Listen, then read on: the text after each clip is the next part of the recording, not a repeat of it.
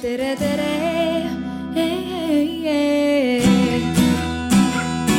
Eestimaa.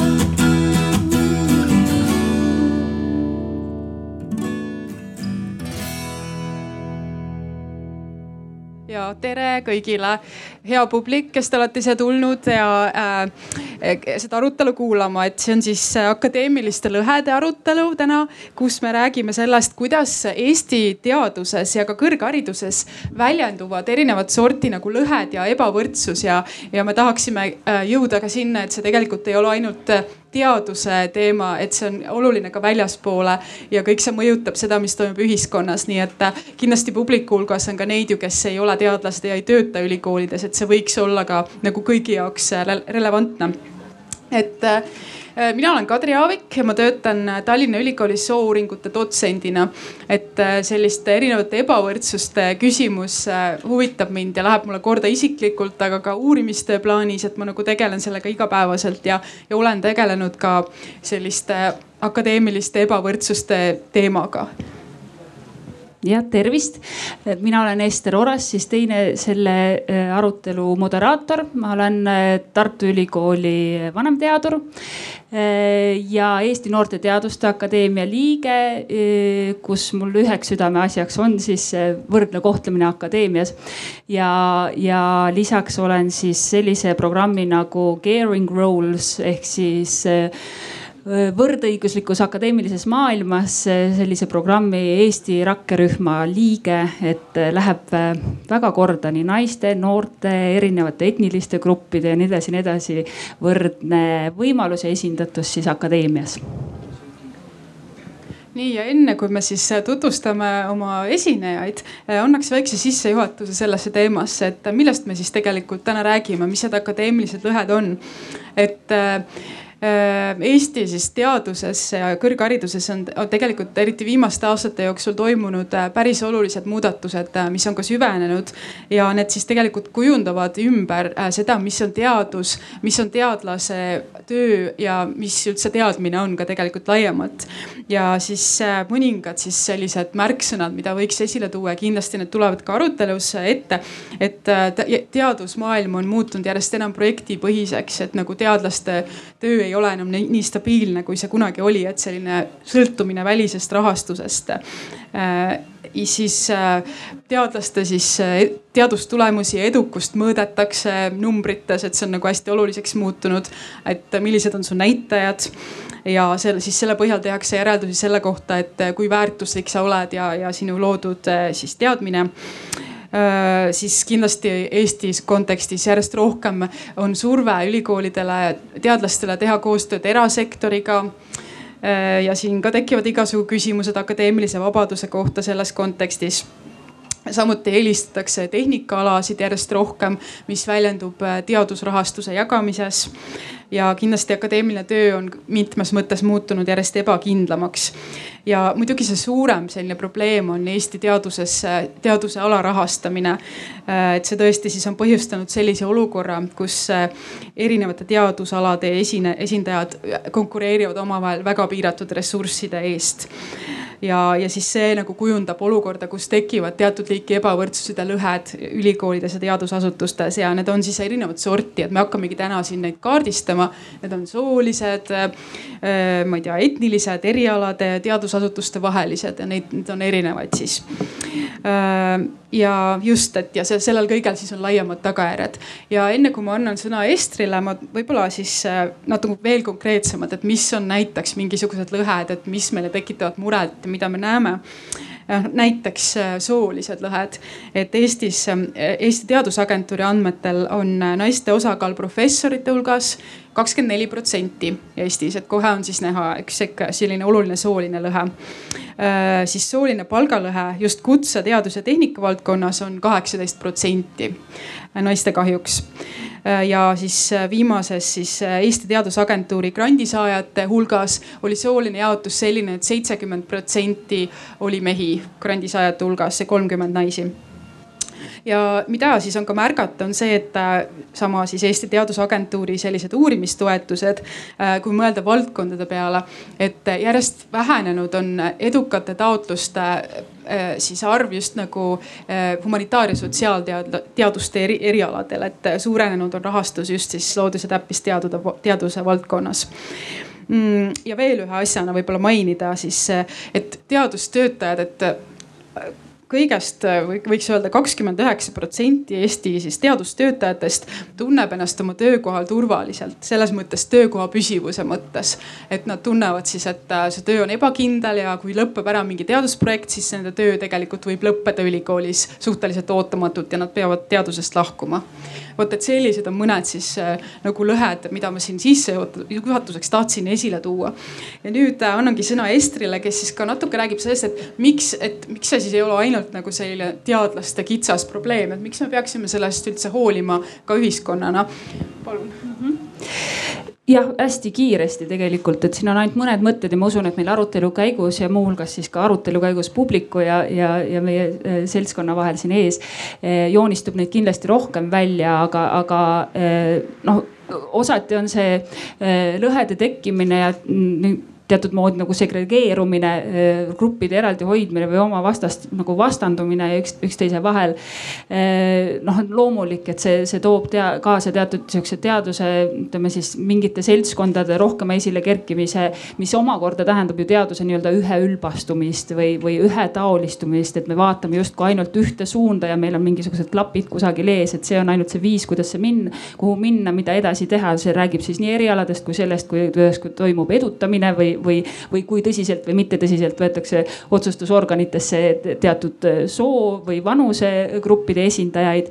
et, et nii jäävad ka teatud teiste huvigruppide mm, soovid, tahtmised ja võimalused äh, ka midagi vastu anda äh, tähelepanuta ja, ja, ja kaardistamata.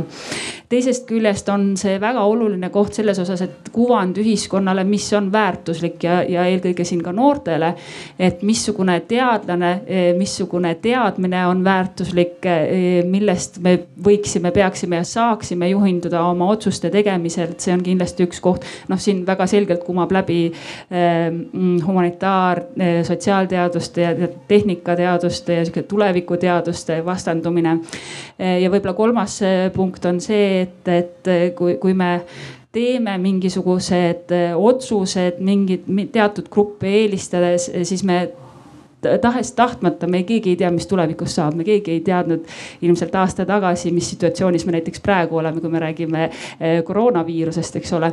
et, et me teatud mõttes eh, elimineerime need võimalikke tuleviku tuleviku lahendusi ja väljavaateid, ma tahaks just selle koroona näite tuua, et lisaks majandusele eh, ja meditsiinilisele väljakutsele on nüüd meie ees väga selge haridusteaduslik väljakutse ja on ka väga selgelt eh, ütleme psühholoogiline väljakutse ja siit edasi me võime veel arendada igasuguseid humanitaarseid eh, vajadusi nagu empaatiavõime, sotsialiseerumine, kõik niisugused nii-öelda tuleviku oskused ja teemad, mida on vaja ka teadlikult arendada aga nüüd aitab meie jutust, ma teen hästi kiiresti, püüan teha ja öelda eh, paar sõna meie panelistide kohta. alustame siis Maris Arvest, Maris Arv Maris Arv on siis Eesti Kirjandusmuuseumist ja Eesti Kirjandusmuuseumi vanemteadur. siis on meil Andi, Andi Hektor. Andi on eh, Keemilise Bioloogilise Füüsika Instituudi vanemteadur ja, ja oluline võib-olla siinkohal esile tuua, et Eesti Teaduskoja algataja ja ka hästi aktiivne eestkõneleja teadusrahastuse teemadel. siis on meil Triin Triin Roosalu, kes on äh, Tallinna Ülikooli sotsioloogia dotsent ja teadur ja Tallinna Ülikooli Ametiühingu juhatuse esinaine ja Akadeemiliste Ametiühingute Nõukogu juhatuse esinaine. Ja siis on Jaan, Jaan Aru Eesti Noorte Teaduste Akadeemia liige ja Tartu Ülikooli arvutusliku neuroteaduse teadur ja ka Berliini Humboldti ülikooli järeldoktor. Nii, nüüd lähme lõpuks asja kallale. Äh, ja esimene küsimus tegelikult on meil üsnagi äh, lihtne ja loogiline. kuidas äh, teile, head panelistid, tundub, missugune on teie kogemus akadeemiliste lõhedega, missuguseid lõhesid te näete, võib-olla me isegi ei ole kõike suutnud ise välja tuua ja, ja, ja mis on praegu tunduvad olema need teravad teemad akadeemilises lõhestumises? Vabalt võib, ei pea järjekorras täiesti, kes, kellel mida hingel on. ma siis alustan, et äh, siin oli juttu sellest, et äh, nendest lõhedest nii-öelda rahastamise kontekstis hästi palju. et loomulikult äh, äh, rahastusest sõltub see, millist teadust me saame teha. ja rahastus jälle sõltub sellest, mida väärtustatakse teadusena. Äh, ja kui äh, me mõtleme nüüd teaduse tegemise peale, siis äh, tekib kohe selline küsimus, et kas teadus on lihtsalt selleks, et uut teadmist luua või peab sellest ka mingit kasu olema? ja kui nii laias laastus jagada, siis jagatakse teoreetilised tead-, teadused ja rakendusteadused aga nüüd äh, äh, eks siis teoreetilisi teadusi väga lihtsalt öeldes võib hinnata selle järgi, kui äh, äh, mõjukad nad maailma teadusplaanis on äh, rahvusvaheliste publikatsioonide tsiteeritavuse järgi. rakendusteadusi on tavaks äh, hinnata äh, nende majandusliku tootluse järgi ehk kui palju nad potentsiaalselt äh, raha sisse toovad. nüüd, kui me räägime siin humanitaar- ja sotsiaalteadustest, siis äh, loomulikult nad võivad pakkuda humanitaar- ja sotsiaalteadused ehk siis need, mis uurivad inimest ja ühiskonda Nad võivad loomulikult pakkuda seda teadmist maailma mastaabis, aga kui nad uurivad siin meie kohalikku inimest, meie kohalikku keelt, kultuuri, ühiskonda, siis see on oluline just äh, nagu sellele ühiskonnale endale. ehk siis semiootikud Peeter Torop ja Lot, Juri Lotman on äh, nimetanud seda äh, tagasisidest, tagasisideteadused ehk need on teadused, mis peaksid aitama meil mõtestada, kes me oleme, kuhu me kuulume. kuidas maailmaga hakkama saada, mis meie minevik on, kuidas me siin ennast tunneme, kuidas õnnelikum olla ja selle teadustöö tulemus võiks just mõjutada nagu Eesti inimesi. ja, ja, ja see ei ole praegu selles teadusrahastussüsteemis mitte kuidagi mõõdetav ega väärtustatav nii-öelda tulemuslikkusena, teadustöö tulemuslikkusena jah, et ma võtan kohe sõna üle, et mul mõte läks natuke, natuke teisele reale võib-olla, et äh, sinna hästi algusesse tagasi. et noh, tegelikult me ju teame, et inimesed on ju erinevad ja seega no alati, kui hakatakse rääkima võrdsusest ja lõhedest siis tegelikult tuleb, peaks alustama sellest, et noh, peab nagu tunnistama, et inimesed ongi erinevad.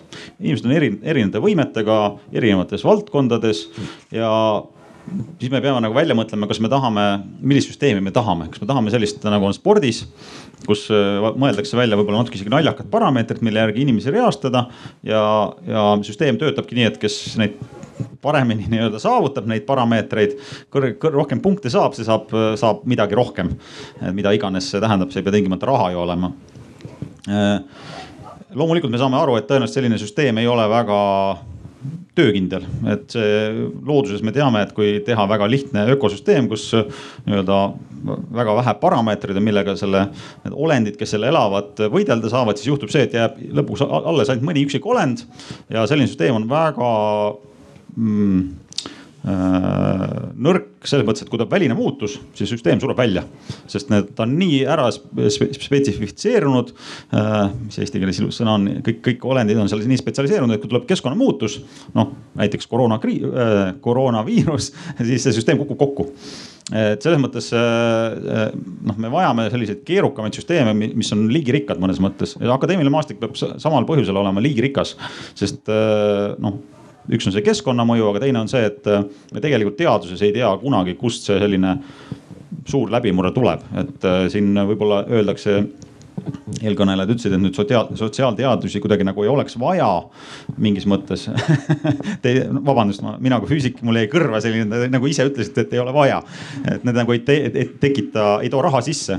aga tegelikult, kui me vaatame, ma olen alati öelnud, et kui te vaatate Eesti ettevõtteid näiteks, keda nad hea meelega palkavad, on sotsioloogid. selles mõttes, et äh, tegelikult on ettevõttes väga palju vaja tegeleda suhtlusega klientidega, suhtlusega mainekujundusega ja kõige, kõik noh, ühesõnaga teiste inimestega ja ühiskonnaga.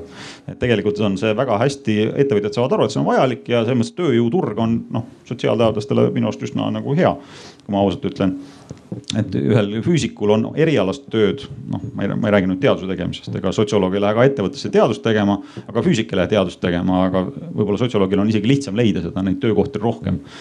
Äh, et selles mõttes ma nagu ei taha nagu võib-olla üldse öelda, et, et selline naine usk, et mingi asi on nagu äh, toob raha sisse ja mingi asi ei too. noh, seda me tegelikult, tegelikult me seda ei tea täpselt kunagi ette nii, ma annan sõna üle ähm siit on väga hea sõna üle võtta. Äh, minu taust on sotsioloogia ja, ja, ja ma olen äh, nõus äh, ja muidugi natuke olen vastu ka, et et, et milleks äh, siis äh, meil oleks seda, ähm, kus kohas veel võiks füüsikat äh, vaja olla peale, peale teaduse? ma mõtlen, kui sa, kui sa räägid sellest, et sotsioloogi on vaja, ma ei tea, organisatsioonidel, igal organisatsioonil on oma sotsioloogi vaja või vähemalt ta tahaks kogu aeg sotsioloogi teenust soetada. siis, siis millal või miks ta üldse peaks siis arvama, et talle füüsikud on olulised kuidagi, eks ju. et tootearendust mõelda, ähm, suur osa meie, meie majandusest kindlasti ei ole tootmisel eks ole, praegu ei, ei põhine et siis me võiksime kohe jõuda kergesti sinna, et äh, põhimõtteliselt kuna füüsikuid on nagu vähe vaja, et miks üldse siis äh, reaalaladel palgad üldse peaksid olema kõrgemad kui sotsiaalteaduste valdkondades ja praegu nad on niimoodi et, äh, et, et ühesõnaga me jõuame kergesti e-, erinevatesse absurdsustesse. et, et ma arvan, et mõistlik on, on ähm, tuletada meelde seda, seda liigirikkuse aspekti ja et me ei saa ähm, nii-öelda praegu teada, keda ja miks meil täpselt vaja on. ja, ja mulle tundub, et, et oluline selles, selles küsimuses, et kes on vajalik ja kes on kasulik.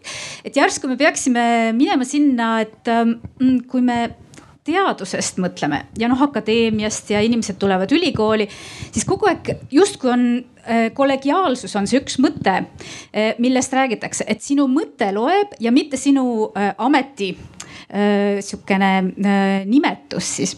et, et, et sinu ideed loevad, et ähm, me tihtipeale näeme, et ähm, sellise äh, algaja energiaga toodud uued mõtted või uued küsimused ja uued vastused noh, viivad palju kiiremini edasi, eks ole, ja siis see ja siis see, kes nüüd läks ja viis edasi, ähm, vaatab siis, kas ta jääbki selle, sellega tegelema et äh, kui me räägime solidaarsusest, mis on selleks järelikult tarvis, ehk siis meil on tarvis tunnistada, et ühel hetkel toovad ühed rohkem mingisugust raha sisse kusagilt ja, ja teisel, teisel hetkel teised. Ja isegi seda, et, et ühel hetkel on need äh, rakendusliku, selge rakendusliku väljundiga teadused kohutavalt vajalikud. Äh, või selge rakendusliku väärtusega projektid, sest ma ütleks nii, et igas, igal teadusharul, eks ole, igas valdkonnas meil on võimalik minna väga rakenduslikuks ja minna väga süviti, eks ole, uute teadmiste loomise peale. ja, ja, ja see tähendab, et kui meil ei ole piisavat arvu inimesi tööl selles valdkonnas kes suudaks katta ära nii nende uute ideede toomise kui nende ideede arendamise rakendusliku väljundiga ideedeks, eks ole, rakendusliku väljundi juurde, et ma, ma arvan, et äh, meil natuke on ka sellise rakendusuuringute näiteks sotsioloogiast rääkides kerge selline alahindamine või, või nende projektide alahindamine eh, selles osas nagu justkui peaks olema kohutavalt lihtne saada kohutavalt head ja vettpidavat vastust väga kiiresti. et piisab sellest, kui lihtsalt on keegi, kes teeb seda ja rakendusuuring on selline, mis valmib kiiresti. et, et ilmselgelt ähm, see, see ei, see ei saa tegelikult nii olla, me ei saa head rakendusuuringut ka teha nii kiiresti, et lihtsalt saame vastuse kohe. ja minu ähm, küsimus sellest solidaarsusest on natuke kinni seal, et ma vaatasin üle äh, ülikoolide töötajate koormused üle, üle Eesti kõikide suurte ülikoolide töötajate koormused. me oleme õnneks siin selline kirjukamp, et me ei esinda ainult ülikoole. et kui, kui te võtate keskmiselt iga ülikooli äh, töötajate koormused, et inimesed, kes ülikoolis töötavad, see on kaheksakümmend protsenti null koma kaheksa koormus ja see on igal ülikoolil, et iga ülikooli konkreetselt sees ka ta, Tehnikaülikool ütleb, et eh, mul on tegelikult ametikohti loodud rohkem, kui ma olen inimesi sinna peale saanud panna. ehk siis tal on iga viies töötaja sisuliselt puudus, kui me peaksime selle koormusarvestuse järgi nagu minema. ja see keskmine kaheksakümmend protsenti eh, töökoormust on kõigis ülikoolides, aga mida see õigupoolest tähendab? see võib tähendada seda, et meil on kõigil põnevad natuke suuremad palgad, kui meil tegelikult on ja meil lihtsalt näidatakse koormuseid väiksematena see võib tähendada, et meil on inimesi tõeliselt puudus ja meil on, meil on tõesti sellepärast tarvis, eks ole, teadusrahastust suurendada, et me saaksime piisava arvu inimesi. et me jaksaksime teha kõiki neid asju, mis Eestis on tarvis teha. sest siin on nüüd jälle see asi, et mõned asjad me saame kuskilt mujalt sisse osta ja mõned teised asjad me ilmselt ei saa. Äh, Mari, sina rääkisid sellest natuke, et, et see tagasisidestamine oma äh, ühiskonnale ilmselt ähm, me suudame välja mõelda põnevaid äh, uusi mm, tehisintellekti variante, mis meie ajusid asendavad selle tagasisidestamise funktsiooni juures. aga tõenäoliselt seal on mõningad loom, loovuse ja loomingulisuse aspektid lisaks kultuurile, mis hetkel veel ei ole tagatud selle, selle masinaõppega. selle esimese ringiga võib-olla see solidaarsuse puudumine on minu jaoks väga oluline küsimus, et ähm, kui vaadata seda, kuidas Eesti ülikoolid siis jälle rääkides nendest suurtest süsteemidest on valinud, ähm, äh, et kui suur osa nende töötajatest on professorid. et ähm, keskmiselt äh, kuidas teile tunduks, mis oleks normaalne, eks ole, professorite määr ühes, ühes akadeemilises ülikoolis, me räägime ülikoolidest jah. et, et ta on kaheksa kuni üksteist protsenti neljas ülikoolis ja kakskümmend viis protsenti kahes ülikoolis. see tähendab, et me räägime absoluutselt erinevatest süsteemidest ja, ja kui me räägime veel, küsime sealt juurde, et kui palju professori palk erineb siis äh, näiteks kõige algajama karjääriastme töötaja palgast, siis osades ülikoolides see on selline kaks koma kaheksa korda ja teistes ta on üks koma neli või üks koma seitse korda. ehk siis jällegi me räägime täiesti erinevatest ebavõrdsuse režiimidest. et, äh, et mulle näib, et see on ähm, selline solidaarsuse mõttes äh, ilmselt ka oluline asi silmas pidada. ma praegu lõpetaks vist on minu kord, tundub loogiline. tere, tere kõigile. Ähm, ma, ma tulen selle küsimuse juurde, et milliseid lõhesid veel on akadeemias ja üks väga tähtis lõhe minu jaoks, kuna ma olen ise noor inimene, on muidugi lõhe noorte teadlaste ja äh, nende inimeste vahel, kes juba on professorid ja kaua olnud professorid. et tegelikult on nagu ilmselt paljud siit teavad, vähemalt noored, on päris raske saada sellele positsioonile, kus sa oled püsipositsioonil ja sul on see kindlus. Ehm, ja siin on võib-olla ka huvitav teada, et näiteks äh, Eestis äh, eelmisel aastal siis äh, grandi round ringis sotsiaalteaduste valdkonnas ähm, läks läbi ainult üks stardigrant ja stardigrant on siis see meede, mis peaks aitama nagu noorel inimesel jõuda iseseisvaks teadlaseks ja oma gruppi teha. ja, ja see, et see oli siis üks, mis ainult läbi läks selles valdkonnas, näitab, kui raske tegelikult on jõuda sinna, seda lõhet ületada ja ma loodan, et me pärast räägime võib-olla rohkem sellest veel, et noh, et kas seal on lõhe ja kas, kas on see, kuivõrd see probleem on, aga, aga niivõrd vähemalt olukord on. ja ma tahaksin kommenteerida veel seda lõhede teemat nagu üldisemalt. et äh, lõhed tulevad sellest, et äh, meie ajudes on selline süsteem, mis nagu eristab kogu aeg äh, meie ja nemad, meie ja nemad, nemad. seega lõhed on midagi, mis on väga-väga üldine, et kui ikkagi on kuskil teaduskonnas ainult üks välismaalane siis tema on nagu natukene erinev ja natukene lõhestatud teistest. aga samamoodi ütleme, et on kõik eestlased, aga ainult üks kannab tööl kogu aeg krokse. tema on see, kes siis silma paistab või on ainult üks, kes on kogu aeg ülikonnas käib, eks. et need asjad, sellised väiksed asjad äh, viivad ka eristumiseni.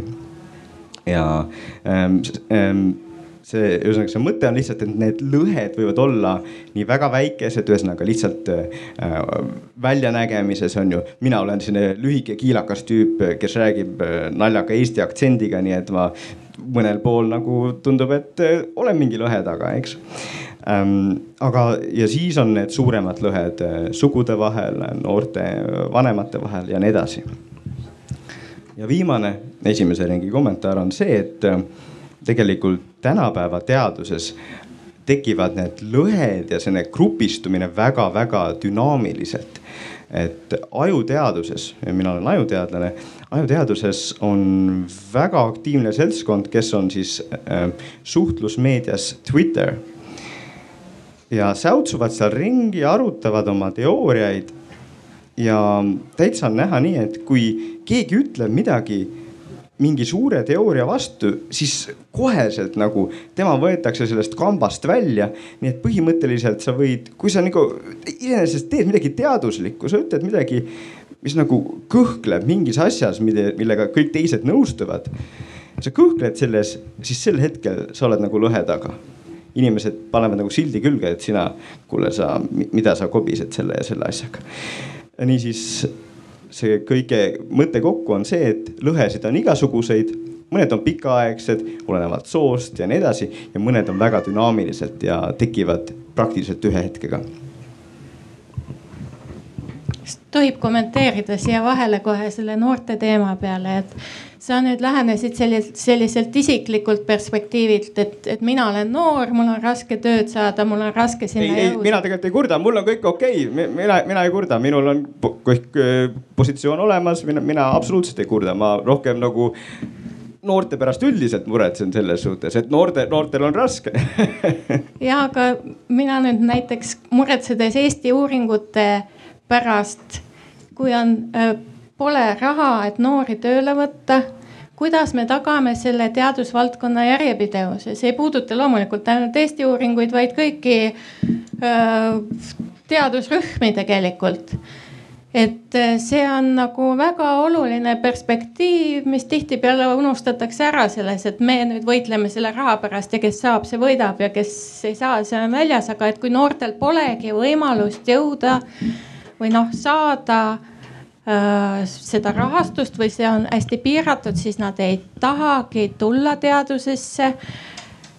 Äh, meil näiteks oli äh, tööl üks magistrikraadiga folklorist, kes oleks võinud minna doktoriõppesse, aga valis kindlama karjääri Rahvusringhäälingu teadustoimetajana. mis sa teed?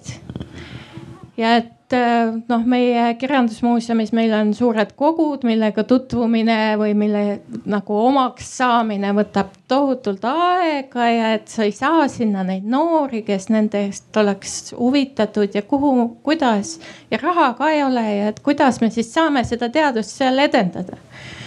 millega me reklaamime ennast, kui meil ei ole midagi pakkuda?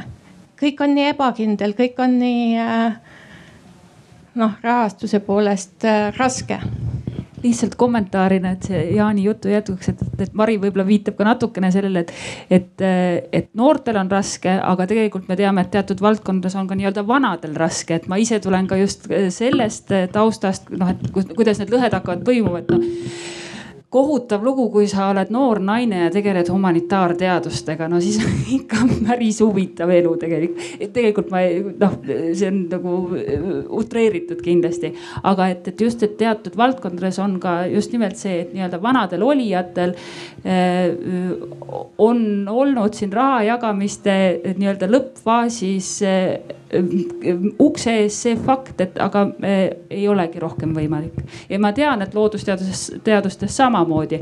aga et kui me räägime jälle nendest samadest arvudest, kui palju stardigrante siis teatud ütleme pehmematele või kõvematele, siis ka see nagu, et see kõik kokku hakkab mingi hetkel kõlama ja, ja mul on tunne, et me vahepeal äkki tõesti, me olemegi selles augus, rääkimata sellest, et niikuinii on raha vähe.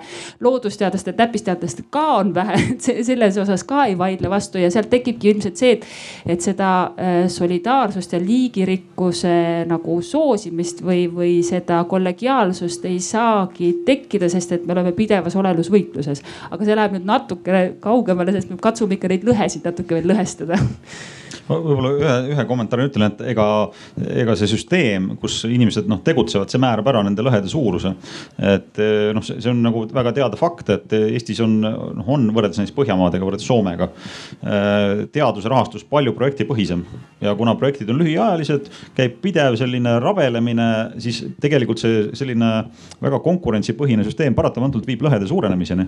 et see on, see on väga hästi teada, noh, see majanduses ju noh, väga ilmne, et on, on riigid, kus noh võtame Ameerika Ühendriigid, kus on lõhed või võtame veel, veel ekstreemsem võib-olla India või veel mõned riigid, kus lõhed noh, nii-öelda vaesema elanikkonna ja rikkama vahel on tohutult suured. ega sama toimub, täpselt sama toimub ju akadeemilises maailmas. kui süsteem on selline, et soosib edukaid täiega, siis, siis see lähebki nii, et on ühed, kes on väga edukad, kes on võib-olla elavad väga hästi ja on teised, kes suurem hulk teisi, kes noh ei ela nii hästi. et selles mõttes nagu ega me peame oma akadeemilises süsteemis ka nagu läbi mõtlema selle noh, sellest karjäärimudelist või tenure track, sellest on räägitud ju, ma ei tea, viimased kakskümmend aastat, ma arvan. Ja seda ei ole siiamaani tegelikult veel sellisel nagu korralikul kujul olemas, seda küll noh, erinevad ülikoolid teevad nüüd oma süsteeme, mis minu arust ei ole noh ütleme nii, et see võib-olla, võib-olla on hea isegi, et mingis faasis on erinevad süsteemid, neid saab võrrelda. aga lõpuks on nii, et me ju tahame, et inimesed liiguks eri ülikoolide vahet. kui igas süsteemis on oma nii-öelda karjäärimudel, siis tegelikult see ei võimalda ju liikuda jälle ülikoolide vahel. et me tegelikult tekitame siis sellised nii-öelda barjäärid ülikoolide vahel. et noh, selles mõttes me, see karjäärimudel on oluline nagu võib-olla see mitteakadeemilisele inimesele ei ütle väga, mida see tähendab. et see karjäärimudel akadeemilises maailmas on nagu põhimõtteliselt nagu trepp, et kui sa jõuad sa pead hästi palju rabelema, et jõuda teatud astmele, aga siis sul on, sul tükk aega on seal astme peal olles muretu, kui sa saad professoriks, siis sul on noh, mingi aeg on sihuke natuke muretum aeg, kus sa ei pea iga, iga sendi pärast võitlema. et sa tead, et võib-olla tulevikus kunagi tuleb jälle mingi äh, hüpe teha, aga et sa ei pea seda ka nagu iga, iga, iga päev tegema, et sul on nagu ka mingid perioodid, kus sa saad nii-öelda noh, heas mõttes jalad seina peale visata ja mõelda nendele teemadele, tegeleda ainult sellega, mis sulle hing nagu äh, noh huvitab lihtsalt korra tahtsin võrrelda, et ke kellega me seda tippu võrdleme. et kui ühed on tipud, et meil siin on ka osad on Teaduste Akadeemia sellised ähm, esindajad ja siis teised ei ole. et on, on sisuline ja teine on siis see karjääriastme mõttes, et üks juba on tipus, teine on alles sisenemas ja siis on keegi, kes on juba kuidagi valmis nagu väljuma sellest, sellest süsteemist. aga et kuidas me teeme, mismoodi me näeme ette väärika väljumise, et, et, ähm, et praegu ma arvan, et see on ka üks koht, mis on, mis on tegelikult murettekitav, et ühest küljest meil on vaja vaadata, kuidas noored jõuavad ja kuidas nad jäävad ja kuidas nad tagasi tulevad ja mismoodi nad kombineerivad omi, omi karjääre ja, ja, ja kirjult ja peaksid saama võimaldada erinevat moodi liikuda, eks ole, mitte ainult ühte redelit pidi ronida. aga, aga teiselt poolt, et, ähm, et seal sees ei oleks liiga palju võitlemist igapäevast ja, ja lõpuks kui sa tunned, et sa tahaks natuke juba äh, nii-öelda aega maha võtta, et äh, see vastutus nende järgmiste eest on, on väga suur praegu. iga individuaalse töötaja vastutus oma individuaalsete järeltulijate eest siis selles akadeemilises valdkonnas. ehk siis äh, see jär, jätkusuutlikkuse küsimus, ma arvan, mida Marisa tõid selle oma ühe valdkonna näitel, et, et see on nagu hästi valus tegelikult ka sellest teisest aspektist. mitte ainult me ei saa neid noori tuua, aga et kas need kas need teised jäävad oma kogemusega meie juurde piisavalt kauaks, et nad saavad panustada piisavalt sisukalt, et tooks selle lõhe siia veel juurde jah, et te siin nüüd tõite välja mitmeid lõhesid omavahel seonduvaid ja isegi ka tagajärgi. võib-olla vahepeal, et meil on ka publikul võimalus tegelikult küsida ka, et ma näen juba siin äh, kahte kätt, see kolme tegelikult. mina jooksen. ja aitäh, et tõstatada siis ka. ja palume just mikrofoni aitäh, äh, mul on üks kommentaar kõigepealt austatud sotsioloogile, kes mainis, et meil siin Eestis töö, tööstustootmist ei ole. vaadake, kolm neljandikku Eesti ekspordist tuleb tööstusest. et selles mõttes me oleme tööstusriik siiski ennekõike. Äh, siis mul on küsimus ka austatud moderaatorile, äh, millel põhineb teie väide, et meil on tehnikateaduste rahastamine on nagu kuidagi kõikse suurem ja läheb kõigist üle kui me võtame eelmise aasta ETAG-i numbrid, siis humanitaaria ja tehnika mõlemad kuskil viisteist protsenti umbes. viiskümmend viis protsenti on loodusteadused ja siis tuleb seal neid muid riburada pidi järgi, et kus see tehnika inimeste ülekaal on ma ei tea, ma võib-olla täpsustan kiirelt selle ära, et tõesti äh, võib-olla oli natuke ebatäpne, aga jah, ma vaatasin siis äh, ETAG-i eelmise aasta statistikat ja ma lihtsalt tõin välja, tahtsin välja tuua selle, et äh, tegelikult võrreldes eelmiste aastatega on nagu just vähenenud sotsiaalteaduste ja humanitaarteaduste siis edukate taotluste protsent ja, ja selles mõttes seal need teised, mis olid siis tehnikateadused, seal ka meditsiini ja muud valdkonnad, need, see oli siis suurenenud, lihtsalt eelmise aasta statistika nagu näitas seda mina hästi tänan selle kommentaari eest, sest et äh, minu, minu murekoht on see, et suur osa Eesti äh, töökohtadest ei ole sellisel loova tootmise töökohtade, et, äh, et, et selles mõttes, kui, kui suure, kui suur osa inimestest, kaasa arvatud füüsikutest, saaks rakendatud või on rakendatud nendes eksportivates arvudes, ma arvan, et siin on potentsiaal palju suurem. jah, kas on veel, ei ole rohkem, nii siin ees oli et äh, teie mõttevahetuses kõlas selline mõte või sõna vähemalt nagu mobiilsus, inimeste liikumine erinevate õppeasutuste vahel. E, kui nüüd mõelda äh, mõistete peale nagu mobiilsus, rotatsioon e, mis te arvate sellest tenuuri kontseptsioonist, noh tenuur, nii nagu mina saan aru Estonia Business Schoolis töötades, et tenuur tähendab midagi kus inimene suhteliselt varakult valib ära, kas ta tahab olla akadeemiline või rohkem nihuke praktiline. aga kas inimene ei võiks niimoodi võnkuda, liikuda erinevate õppeasutuste vahel, vahel tegeleda ettevõtlusega, tulla uuesti tagasi. et mis on selle tenuuri kontseptsiooni plussid ja miinused eh, nende lõhede seisukohalt? ma võib-olla kommenteerin siin, kuna ma olen selle eh, teemaga nagu ka noh, mingil määral kaasa mõelnud juba vast viimast kümme aastat siis äh, loomulikult ega tenuur äh, tenuur tegelikult äh, soodustabki mobiilsust või noh, ütleme, et tenuur saab teha nii, et ta ei soodusta, aga kui me võtame praeguse Eesti süsteemi, mis on hästi projektipõhine, võiks ju arvata, et see soodustab nagu liikumist, aga ei soodusta. sest kui mina füüsikuna lähen aastaks otsaks ettevõttesse mul jäävad teadusartiklid ilmumata, siis ma ei saa enam tagasi teadusse tulla, sest ma ei saa järgmist granti, sest grante ju ähm, valit-, grandi saajaid valitakse konkursi põhjal, vaadatakse, et ahaa, näe sellel, sellel inimesel on nii palju teadusartikleid, miks sul on palju vähem. ja mina järelikult ei saa, et äh, kui mul oleks selline süsteem on nagu ütleme Inglismaal on, kus või Ameerikas, kus valitakse tenuuri kohale, ma pean näiteks kolm aastat äh, õpetama ja siis mul on vaba aasta. võin selle aastaga teha, mis tahan, ma võin minna ülikooli või ülikoolist ära ettevõttesse ja ülikool peab mind pärast tagasi võtma. et see on, see on tingimus on sees, aga Eestis sellist asja loomulikult minu teada veel kusagil ei ole tenuuri mudelis. et loomulikult neid saab teha, et praegu ongi see mõtlemise koht, et milline see noh, meie tuleviku karjäärimudel tea-, akadeemia poole peal nii-öelda välja näeb ja kui korra veel mõelda, et äh, praegused karjäärimudelid, mis siis ülikoolides äh, on käiku pandud, et, et osa neist äh, isegi ei näe ette et tenuuri ajal võiks äh, osakoormusega töötada tenuuri professor ülikoolis. ehk siis ta ei saaks ka nii teha, nagu me praegu soosime siin seda kombineeritud panustamist erinevatesse sfääridesse korraga, et nii sellesse akadeemilisse kui, kui muudesse sfääridesse, et, et selles mõttes ma arvan, see on õige, et, et, et see süsteem võiks lubada seda paindlikkust, aga, aga et mis, kuidas seda saavutada, et ta päriselt siis seda lubaks. Ja, ja, ja teiselt poolt, et et, kui Eestis on niimoodi, et osadel organisatsioonidel näiteks oleks tarvis mingisuguseks perioodiks endale seda, seda akadeemilist lisaimpulssi, siis kust ta läheks ja selle võtaks, et tegelikult võiksid olla ülikoolides üle, eks ole, üle varuga inimesi niimoodi, et nad saaksid panustada lühiajaliselt eh, ka väljapoole akadeemiat. et seda olukorda, kui ma ütlesin, et meil praegu koormused on null koma kaheksa keskmiselt, et siis seda üle nagu katet üldse, kuskohast see peaks tulema, ehk siis, ehk siis ka see panustamisvõimalus võimalus, mida võiks tegelikult praegusessegi süsteemi ehitada, noh ei ole seda.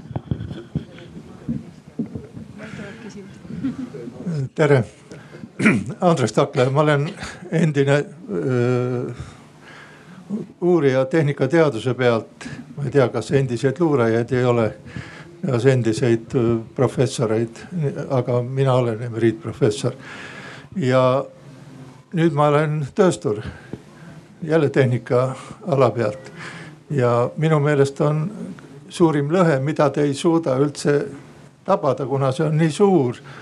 on, on selle vahel, et äh, teadusvaldkonnad, teadusteemad on absoluutselt sünkroniseerimata reaalse Eestis eksisteeriva äh, ühiskonna, majanduse ja tööstuse sektoritega see on niivõrd suur lõhe, et see on teie vaateväljast ilmselt väljas. ja, ja siis ei tohiks olla imestada, et raha on vähe. sest nagu Arno Kolk, elektroonika, Eesti Elektroonikatööstuse Liidu juhataja ütles on, on seitsekümmend protsenti, kaheksakümmend tuleb meie jõukusest eh, ekspordist tööstusele nii et kui vägisi hoida oma teemad eraldi sellest, mis Eestis reaalselt raha sisse toob, siis te loete ainult enda teadusraha. kui teadus nagu teed ei too raha sisse, aga nad tekitavad, muudavad efektiivsemaks tööstuse, teed tehaste vahel ja teadus mõjutades tootearendust. nii et eh, seni, kui riik siin ei ole teie mure. seni kui riik ei näe, et riiklikku teadusraha peaks kuidagi eh, siduma nende raha teenivate alade, alasid soodustavate teadusteemadega. nii, nii ongi see vahe nii suur, et te näete mingisuguseid lokaalseid lõhesid. aitäh tahtsin selle viimase kas, kommentaari. kas ma, ma, ma tohin vastata korra, kuna ma olen ka see, selle teema peale palju mõelnud, et äh, see muidugi on noh, ütleme nii, et sellega on nii ja naa, et äh, tööstus on Eestis ka väga erinev. et ma käisin äh, Viljandis Cleveronis ja ma nägin nagu üht, ühte tööstust, aga ma olen käinud väga erinevates ettevõtetes, et see tööstus ongi väga erinev. ja, ja ühel ettevõtjal noh, on nagu ütleme, võtad ühe ettevõtja, teise ettevõtja, nende nägemus, mida nad tahavad, võib olla väga-väga erinev. et äh, selge see, et ülikool ei saa kõiki, kõiki neid rahuldada, et ta peab mingeid valikuid tegema. ja see on Eestis selles mõttes, ma olen täitsa nõus, et Eestis on see valik tegemata, et äh, mis on need äh, nii-öelda tööstusvaldkonnad, sellised laiemad valdkonnad. noh, Soomes otsustati mingil ajal ära, et on teatud valdkonnad, mida riik nii-öelda kaasrahastab koos ettevõtjatega. noh, ma ei tea, näiteks puidu, puidu nii-öelda nimetame seda puidukeemiaks. Äh, noh, mäetööstust oli Soomes ja noh, need olid, valiti välja, väga pikaajalised programmid tehti ja, ja rahastatigi neid. aga see on, see on nagu eraldi teema, et äh, seda raha ei saa võtta, me ei saa teha, meil on praegu ETAG-i süsteem, me ei saa anda teadusgrante nagu väga sellistele praktilistele probleemidele, sest see on, siis me nagu ei tegutse õieti. grandimeede ei ole maailmas kunagi selle jaoks mõeldud. Äh, Soome jagab ka täpselt sama palju grandiraha kui Eesti proportsionaalselt Äh, mitte summades muidugi. Äh, aga üks tükk, mis on puudu Eesti süsteemis, on just see, see osa, mis on äh, mõeldud noh, sellistele pikaajalistele tööstusprogrammidele ja tegelikult see raha on väga, seda raha saaks väga lihtsalt võtta e-, e-, Euroopa rahadest, mida, mida Euroopa Liit meile väga heldelt annab. aga sellest tuleb rääkida poliitikutega, nad sellised otsused ära teeks. sest äh, noh, seda võtta seda raha praegusest teadusprogrammist on võimatu, siis me, meil on niigi see asi miinus, miinuses. võtta sealt veel midagi ära, anda kuhugi mujale, siis me noh, see viib katastroofini. ma ei saa aru, sa räägid inimesega, kes, kelle ettevõte toob raha sisse. ainuke, no kui sa vaatad riigieelarvet, siis seal on äh, kaheks jaguneb laialt. ühed on need, mis toovad riigieelarvesse sisse ja teised, mis viivad välja, see on teadus, on nende all no et, kas kõrgharidus toob, ma küsin kohe vastu, kas kõrg, kui, kõrgharidus toob raha sisse või viib välja? jah, ja kui tööstus tahab midagi teemastada teaduse hulgas, siis ta ei võta sealt midagi ära, ta ütleb, et poisid, ärge vehkige niisama. Eestil on konkreetsed teemad, mis raha sisse toovad nii et need rahateenijad ütlevad, et tehke sellel teemal TRL kolmeni akadeemilist teadust eelluurena sellel erialal ärge tehke tootearendust, aga tehke sellele ette akadeemilist uurimistööd. no me oleme väga-väga tehniliste detaili, aga põhimõtteliselt ega. said sa aru, et, et me ei ole konkurendid teadusrahale, me ta, konkurendid oleme ainult teemastama me ja. toome raha sisse, kui te meid. me teemal pikalt vaielda. kui te suudate aidata neid sektoreid Eesti majanduses, mis raha sisse toovad, siis teadusraha kasvab eelarves aitäh, ma arvan, et siin on kindla peale üks järgmine teadusarendus arvamusfestivali teema, me võtame ühe viimase küsimuse kiiresti ja siis lähme edasi ma, äh, minu Liisa Loog, ma olen teadur äh, Cambridge ülikoolis Inglismaal ähm,.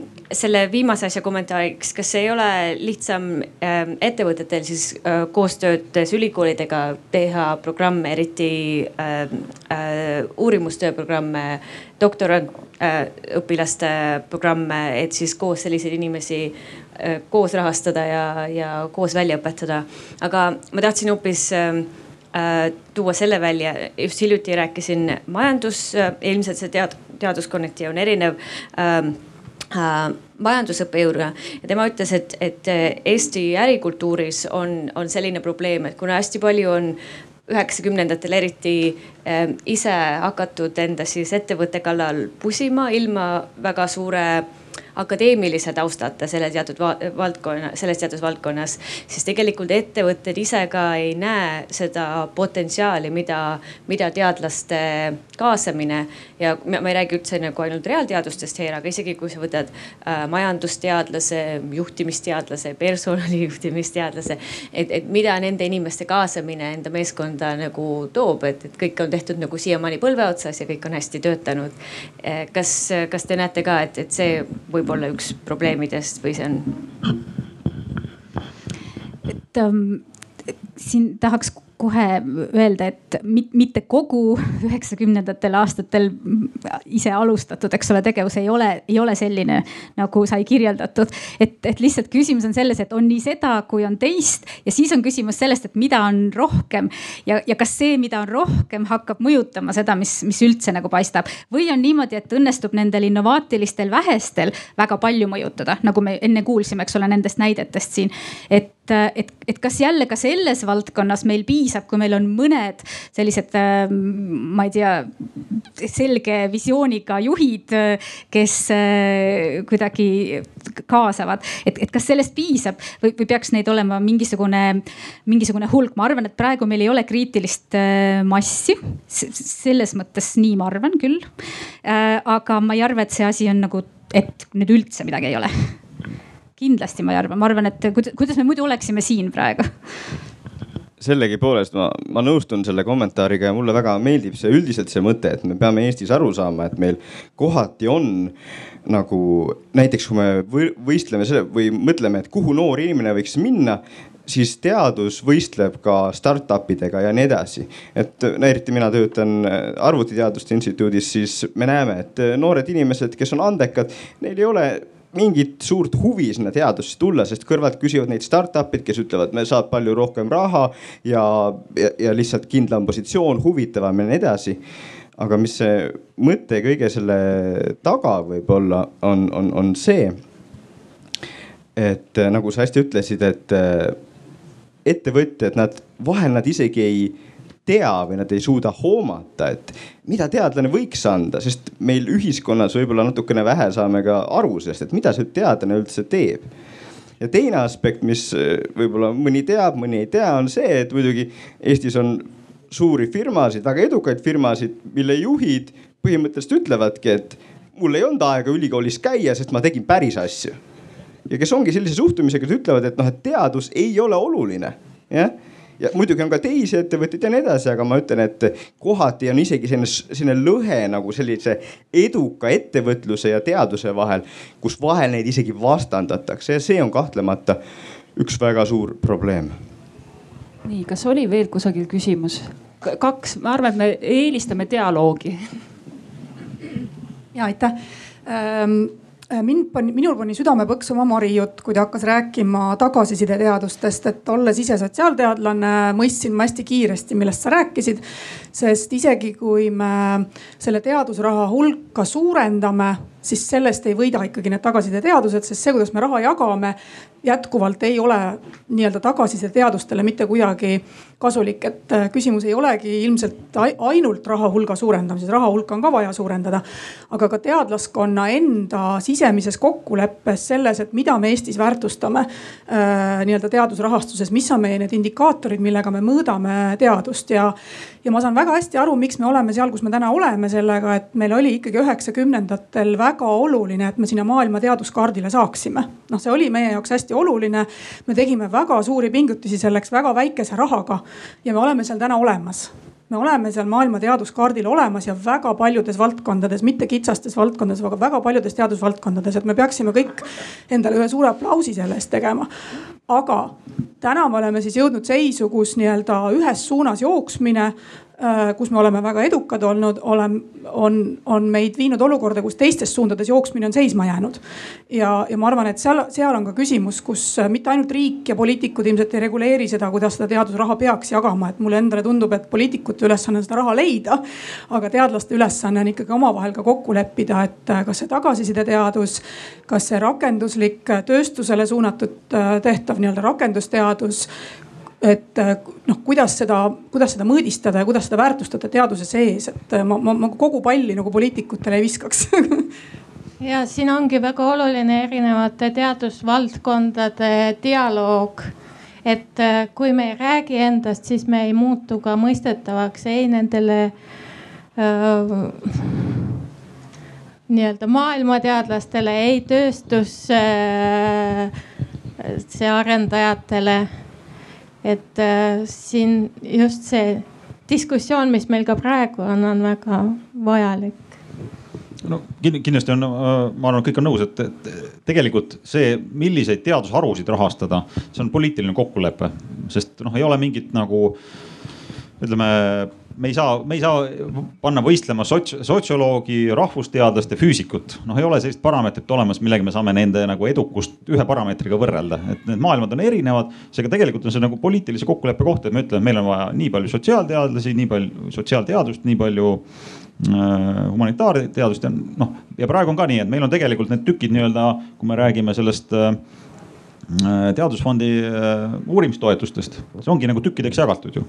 et äh, lihtsalt noh, seal on muidugi natuke see asjaolu ka ikkagi, et, et mingid erialad on, on populaarsemad. et noh, ma ei tea, millegipärast on nii, et pehmed erialad on populaarsemad, seal on suurem järelkasv ja noh, see on viinud ka selleni, et ega konkurents on seal palju suurem tegelikult, sotsiaalteadustes on palju suurem konkurss, kui on, ütleme tehnikateadustes et nüüd miks, miks see nii on läinud, et miks tehnikateadustes noored ei taha minna õppima tehnikateadusi, miks see nii on, et see on nagu noh, üks vastus on sellene, et äh, tegelikult õpivad küll tehnikateadusi, aga õpivad tegelikult IT-d. et äh, IT on tegelikult ära tõmmanud teistest tehnikateadustest äh, inimesed. et jällegi, see ei ole halb iseenesest, et meil palju IT-inimesi on, aga see on halb, et noh, et teised reaalteadused on muidugi selle võrra nagu omavad vähem inimesi, nii-öelda inimressurssi. nii ja võtame veel ühe küsimuse. Aitäh äh, ma olen Allan Herman, ma olen järeldoktorant California Tehnoloogia Instituudis. Äh, mul oli üks kommentaar ja üks küsimus. Äh, et kommentaariks, et mis on võib-olla selle tippteaduse väärtus Eestis, on see, et meil on Eestis, kui tippteadusesse investeerida, meil on võimalus, see loob meie noortele võimaluse kokku puutuda kõige hilisemate tehnoloogiatega. mis võimaldab siis meil tekitada ettevõtteid, mis, mis meie nii-öelda majanduskonkurentsi hoiaks ka võib-olla kümne aasta pärast, et ma arvan, et see äh, teadusse investeerimine on väärtus omaette, mida, mis äh, võib-olla ei peaks olema kitsalt dikteeritud võib-olla nagu praeguse tööstuse võimekusest. aga see küsimus, mis mulle võib-olla hinge läks eelnevast, eelnevast kommentaarist, et meil on palju noori, kes võib-olla Äh, ei vali doktorantuuri või järeldoktorantuuri näiteks folkloristikas või näiteks sotsiaalias, äh, kuna see tundub neile vähe perspektiivne, et võib-olla see küsimus on see, et kas võib-olla teatud valdkondades peaks mõtlema, et mis selle doktoriõppe sisu on ja võib-olla andma neile oskuseid, mis neid tööturul ka nagu vajalikuks teeb. et see näide, mis mul võib-olla Ühendriikides äh, oli nagu väga selge, et nagu suur osa doktorantuurist või see, mida me õpime doktorantuuris, ei ole sul tegelikult tööturul vajalik. ja on muud valdkonnad, mis need, mis nagu pakub neile inimestele, kes selle doktorantuuri on ette võtnud, rakendust, näiteks andmeteadused. et võib-olla siis näiteks humanitaarias ja mujal oleks nagu, nagu vajalik ka mõelda, et mis, mis on need praktilised oskused, mida tööturul vaja läheb. mille pärast inimesed võtavad ette selle folklori, doktorantuuri folkloristikas või muus, muus erialal, mis võib-olla tööturul ei ole, ei ole väga kitsa, kitsa valdkonnana perspektiivne humanitaarias on nii, et kui sul on doktorikraad, siis sul on tööturul vähem võimalusi, sest sulle peab rohkem palka maksma aga ma tooks siia juurde, mis äh, jäi praegu kõlama ja võib-olla enne on vähem, vähem olnud kõlanud, on siis see, et, et kust need noored siis, siis tulevad ja et see teaduse rahastus on, eks ole, ka kõrghariduse rahastus. ja, ja et see näitab mitte võib-olla tingimata kõrghariduse rahastust, aga kõrghariduse kvaliteeti.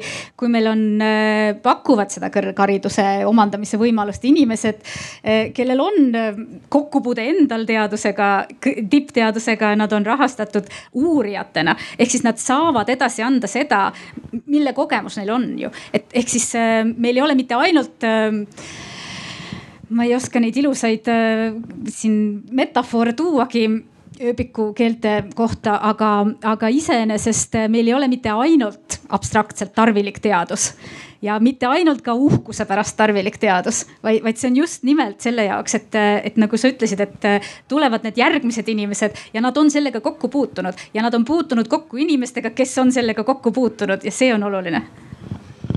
Ja siis veel kommentaariks, et see võib-olla ei olegi nii suur küsimus, et inimene tuleb ja õpib ja ei leia omale tööd, ikka leiab kuskil tööd, aga noh küsimus on see, et äh, teaduse järjepidevust tagada ei saa, ei ole võimalik äh, inimesega, kes töötab kuskil mujal, eks ole. Või kes töötab Eesti teaduses ja on ülekoormatud, kuigi ta on null koma kaheksa koormusega tööl nii, ma vahepeal küsin ühe sellise küsimuse, et äh, hästi, see teema on hästi aktuaalne praegu, et ikkagi meil koroonakriis, mis, äh, eks ole, võib-olla nüüd jätkub ja tuleb teine laine.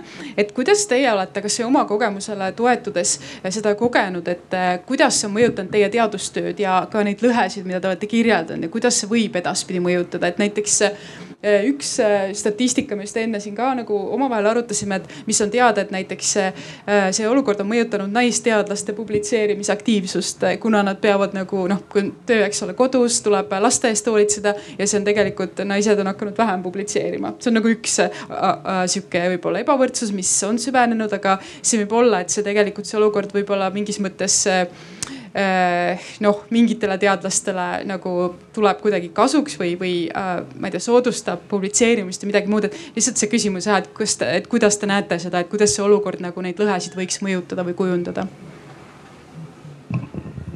jah, et muidugi mitte ainult emad ei ole mõjutatud, vaid ka isad, et kui koroonakriis algas Saksamaal, minul olid parajasti laboris katsed, aga lastel ei ole lasteaeda. abikaasa ei ole kodune, vaid teeb sama palju tööd nagu mina ja siis ei olnud midagi teha. mina olin ka kodus samamoodi. ja mõtlesin selle peale, et äh, maailmas on kümneid tuhandeid teadlasi, kes tegelevad sarnaste asjadega ja kellel ei ole lapsi.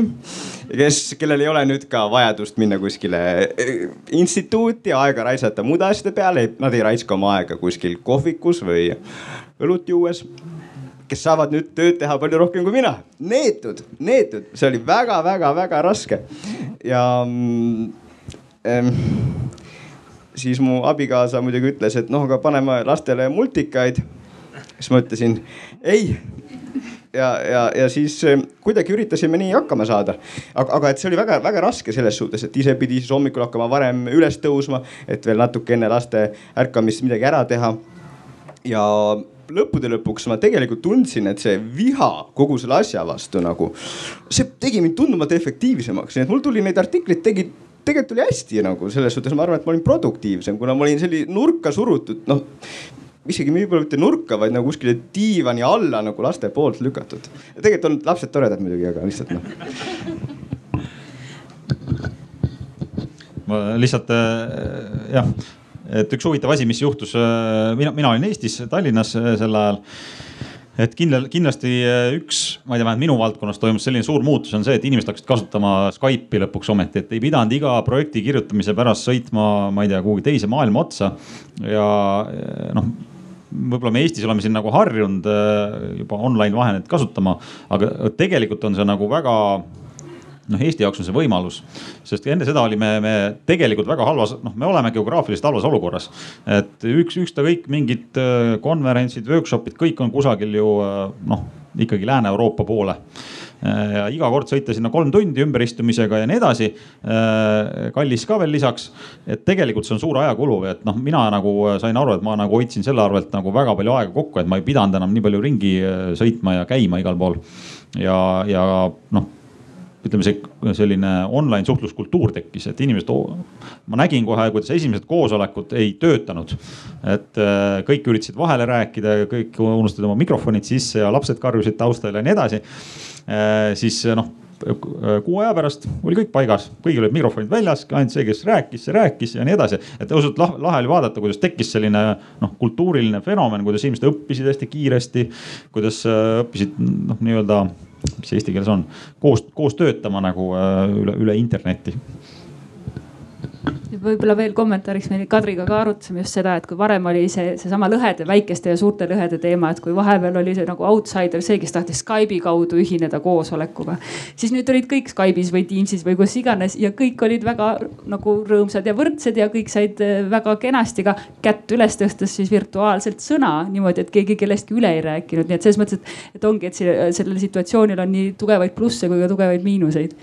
ma just tahtsin öeldagi, et ma unustasin lõppu ära, et äh, tegelikult selline noh äh, geograafiline lõhe, mis on Lääne-Euroopa, ütleme ras-, ütleme teaduse raskuskese on ikkagi Lääne-Euroopas, ütleme Ameerikas ka on ju, et äh, et see vähenes, see geograafiline lõhe. Ja, ja nagu sa ütlesid, väga-väga ilusti ütlesid, et vähenes ka selline, mis on see ma ei tea, mis sõna see on, imposantsus. et kui tuleb teatud professor laua taha, siis ta on imposantne, aga kui ta on Skype'is, siis ta on täpselt sama võrdne kui kõik ülejäänud inimesed seal mõnes mõttes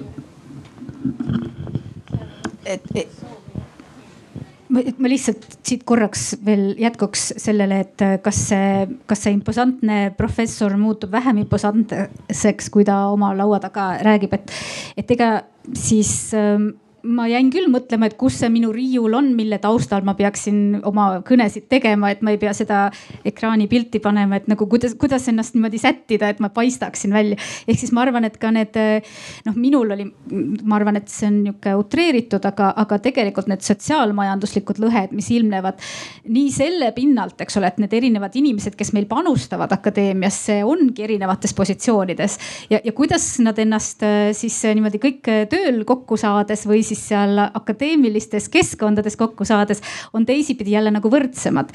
et, et mulle, mulle näib, et see on ka üks aspekt, mille peale me võib-olla ei ole akadeemia kontekstis niimoodi tähelepanu pööranud, et ühest küljest jah, me oleme kõik võrdsemad, kuna me oleme kõik seal ekraanil ainult ühe peana. aga, aga teiselt poolt, mis seal siis veel on?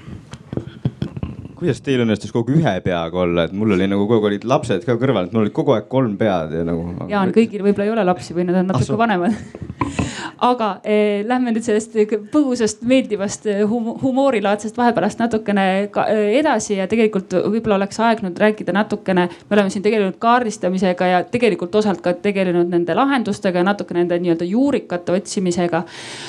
aga et et eh, kui siin igaüks meist prooviks võtta nii-öelda ühe lõhe, mis temale võib-olla on kõige lähedasem kala siis eh, ja proovida sellele ka pakkuda mingisugust lahendust. et et, et, et prooviks ikkagi mõelda selles suunas ja, ja, ja kaasa arvatud publik siin näiteks seesama teema korraks ju käis läbi, et kui meil on eh, tehnikateadused ja ettevõtlus ja me näeme, et teadlased ei vasta nendele vajadustele ja ootustele, eks ju. et, et noh, lahendus, et seda kommunikatsiooni parandada, aga ka siis mingisugused suunatud eh, teadusteemad, stipendiumid, kasvõi lobitöö mingites eh, suundades, et, et mida on ennekõike vaja, milleks siis teadlasi on vaja.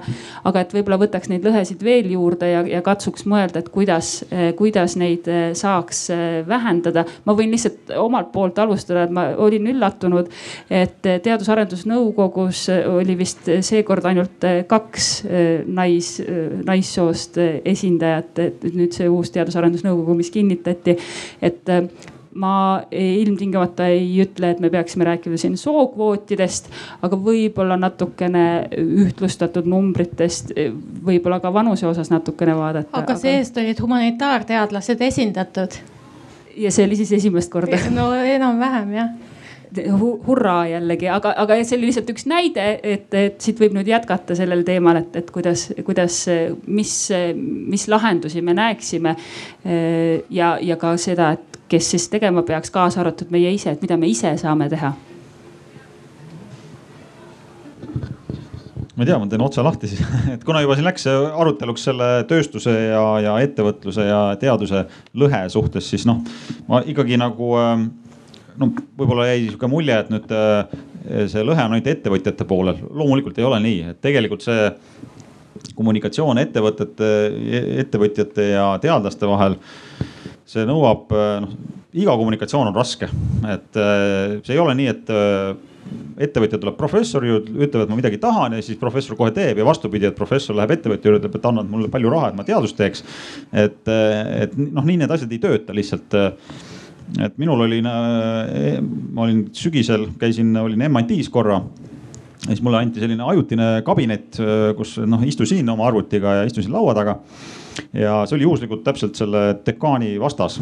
Ja see oli nagu hämmastav vaadata, kuidas tal pidevalt käisid seal läbi ettevõtjad. Et, et selline suhtlus nagu ettevõtja ja noh, okei okay,, MIT on natuke teistsugune koht ka, on ju.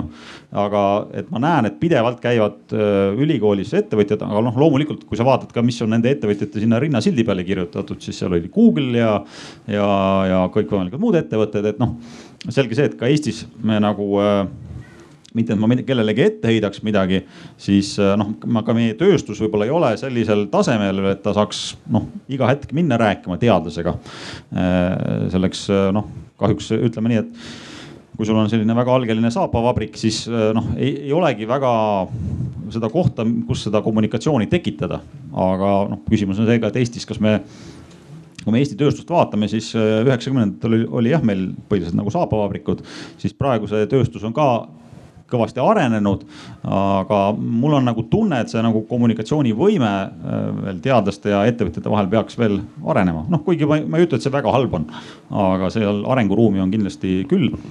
kuidas, kuidas mis... siis seda teha? No, lihtsalt see, on ka, et see on seesama asi, mis me siin enne rääkisime jah, et just, et ja kuida-, mis sa arvad, kuidas seda? ja ma tean, ma tean, on ah, väga, väga okay, lihtne lahendus on olemas, tuleb veel oodata kolmkümmend aastat ja siis jõuavad, äh, sest noh, ma jällegi nüüd hüpates Cambridge'i peale, siis noh, seal ma nagu nägin seda, kuidas tegelikult need ettevõtjad, kes väga hästi suhtlevad teadlastega, kes oskavad nendega suhelda, ise pärinevad teadusest, et nad on, need on kõik need insenerid, kes läksid kakskümmend aastat, kolmkümmend aastat tagasi ettevõtlusse, said seal rikkaks ja siis nad tulevad oma nii-öelda noh, neil on see akadeemilise kultuuri kogemus, nad teavad, kuidas tulla õigeid asju küsima õigest kohast.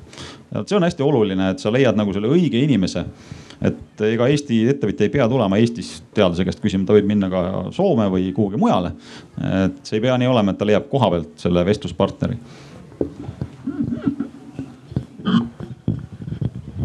et tundub, et noh, et ja see on seesama teema, et, et me peame ka teadlastena nagu ise nagu rohkem selgitama, et mida me teeme üldse, millest me üldse mõtleme. et, et kõik oleksid rohkem avatud mõttega, et ettevõtja saaks aru, et oota, oota, see, mis ta just ütles, et tegelikult see on ju natuke seotud sellega, mis ma teen.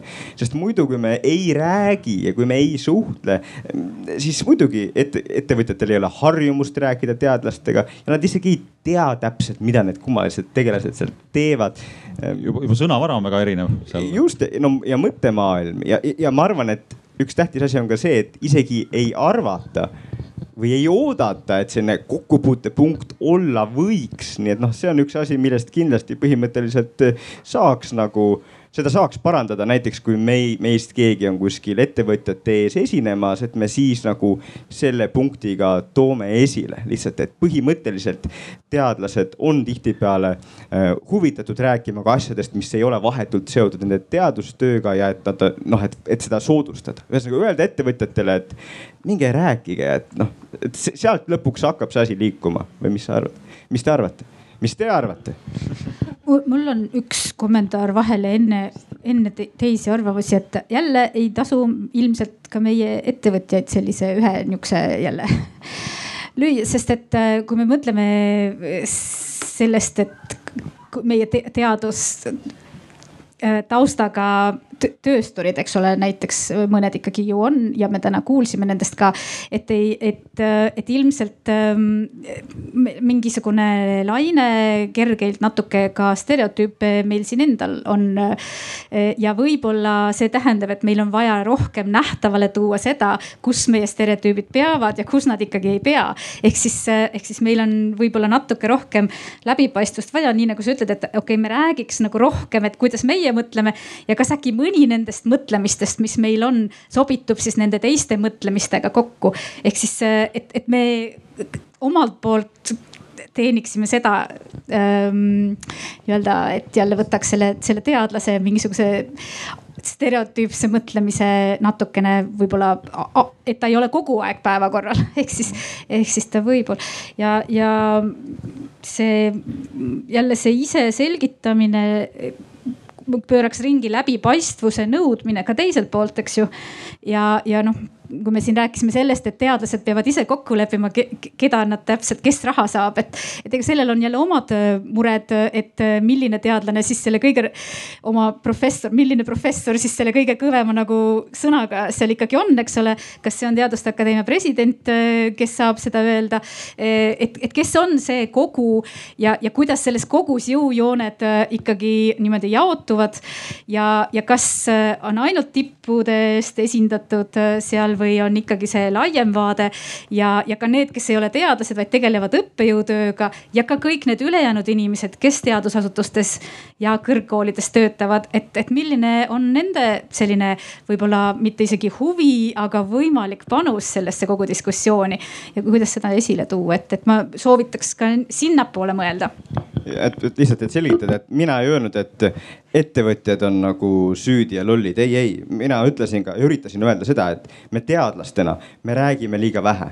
me üritame liiga vähe öelda, et mida me teeme ja selgitada liiga vähe, eks. et äh, meie peame olema need, kes ka räägivad ja igaüks saab teha ka, iga väike teadur või iga doktorant, isegi kui ta räägib mõne sõbraga, kes teeb startup'i või ettevõtlust, siis lihtsalt lisab selle ka, et äh, noh, näiteks Eestis on neid ja need teadlased, et nad päris sama asja ei tee, aga äkki võiks nendega rääkida lihtsalt, et tundub, et nad on avatud meelega ja võiksid olla huvitatud sellest teemast, nii et põhimõtteliselt kõik, ka doktorandid ja, ja kõik meist saaksid seda natuke kaasa aidata, et selline suhtlus ja rääkimine nagu toimiks.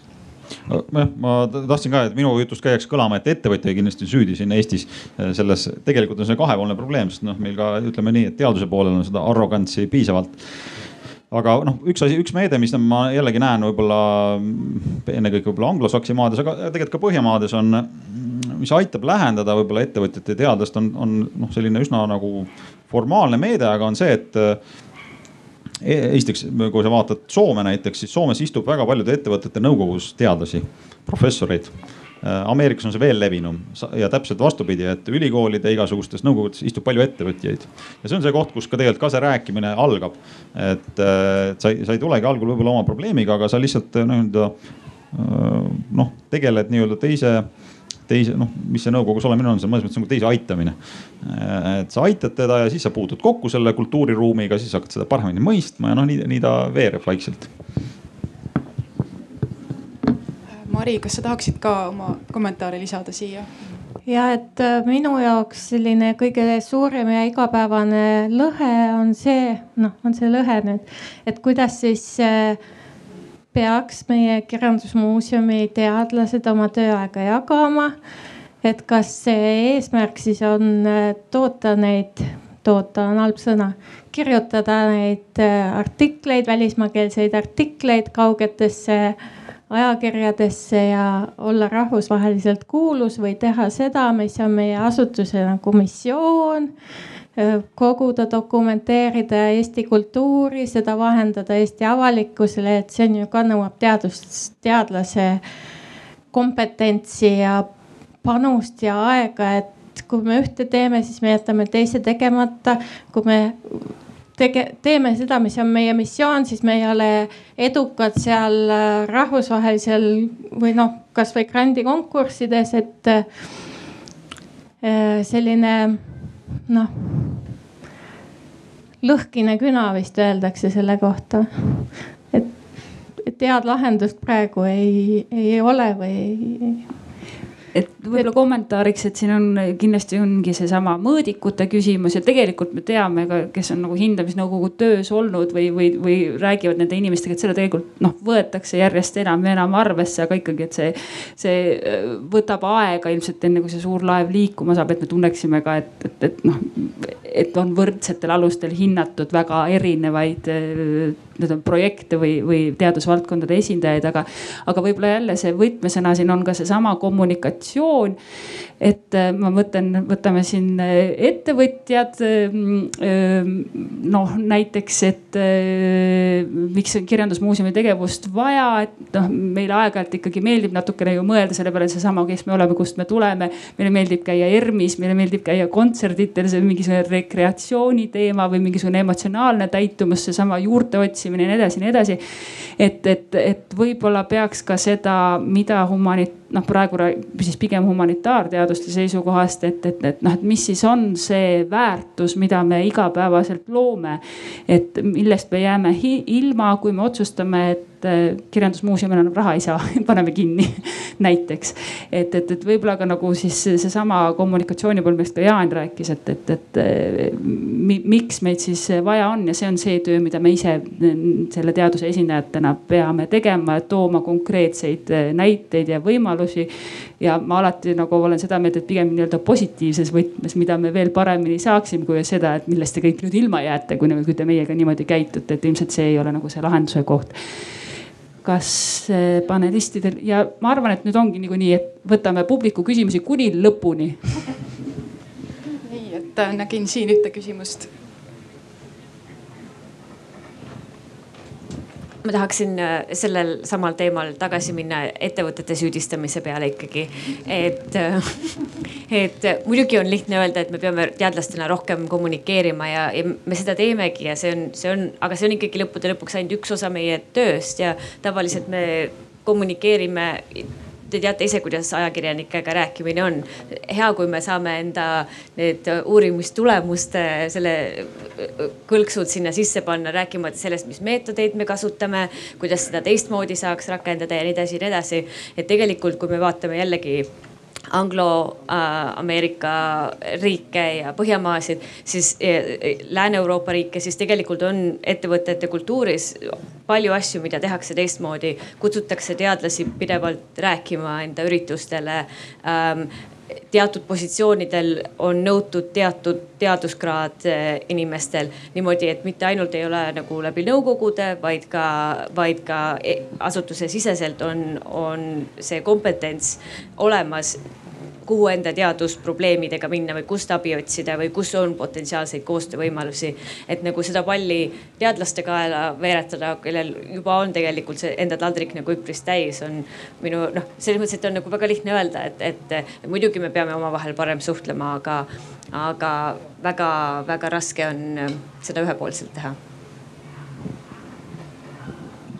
lihtsalt noh, Eestis on see eelis, et me oleme väike riik, me oleme nii lähedal, et kui kellelgi on huvi nagu rääkida sellest asjast, et ähm, kuidas üks või teine teadusharu nagu seostub, siis põhimõtteliselt on võimalik kohe kirjutada kuskile väljaannetesse, ise võtta see initsiatiiv, on võimalik kirjutada ettevõttele ja pakkuda oma loengut. et see on see Eesti eelis ja seetõttu ega mina ja me ei üritanud panna palli ainult vära, teadlaste väravasse, aga siin me oleme peamiselt teadlased ja meie siin ees. ja seetõttu me räägime sellest, et mida meie saaksime teha, et me ei saa oodata ainult, et teine pool teeks vaid me peame ka ise nagu aktiivselt ettevõtetega ühendust võtma ja tegema. Eestis on see võimalik rohkem kui mitmes teises maal.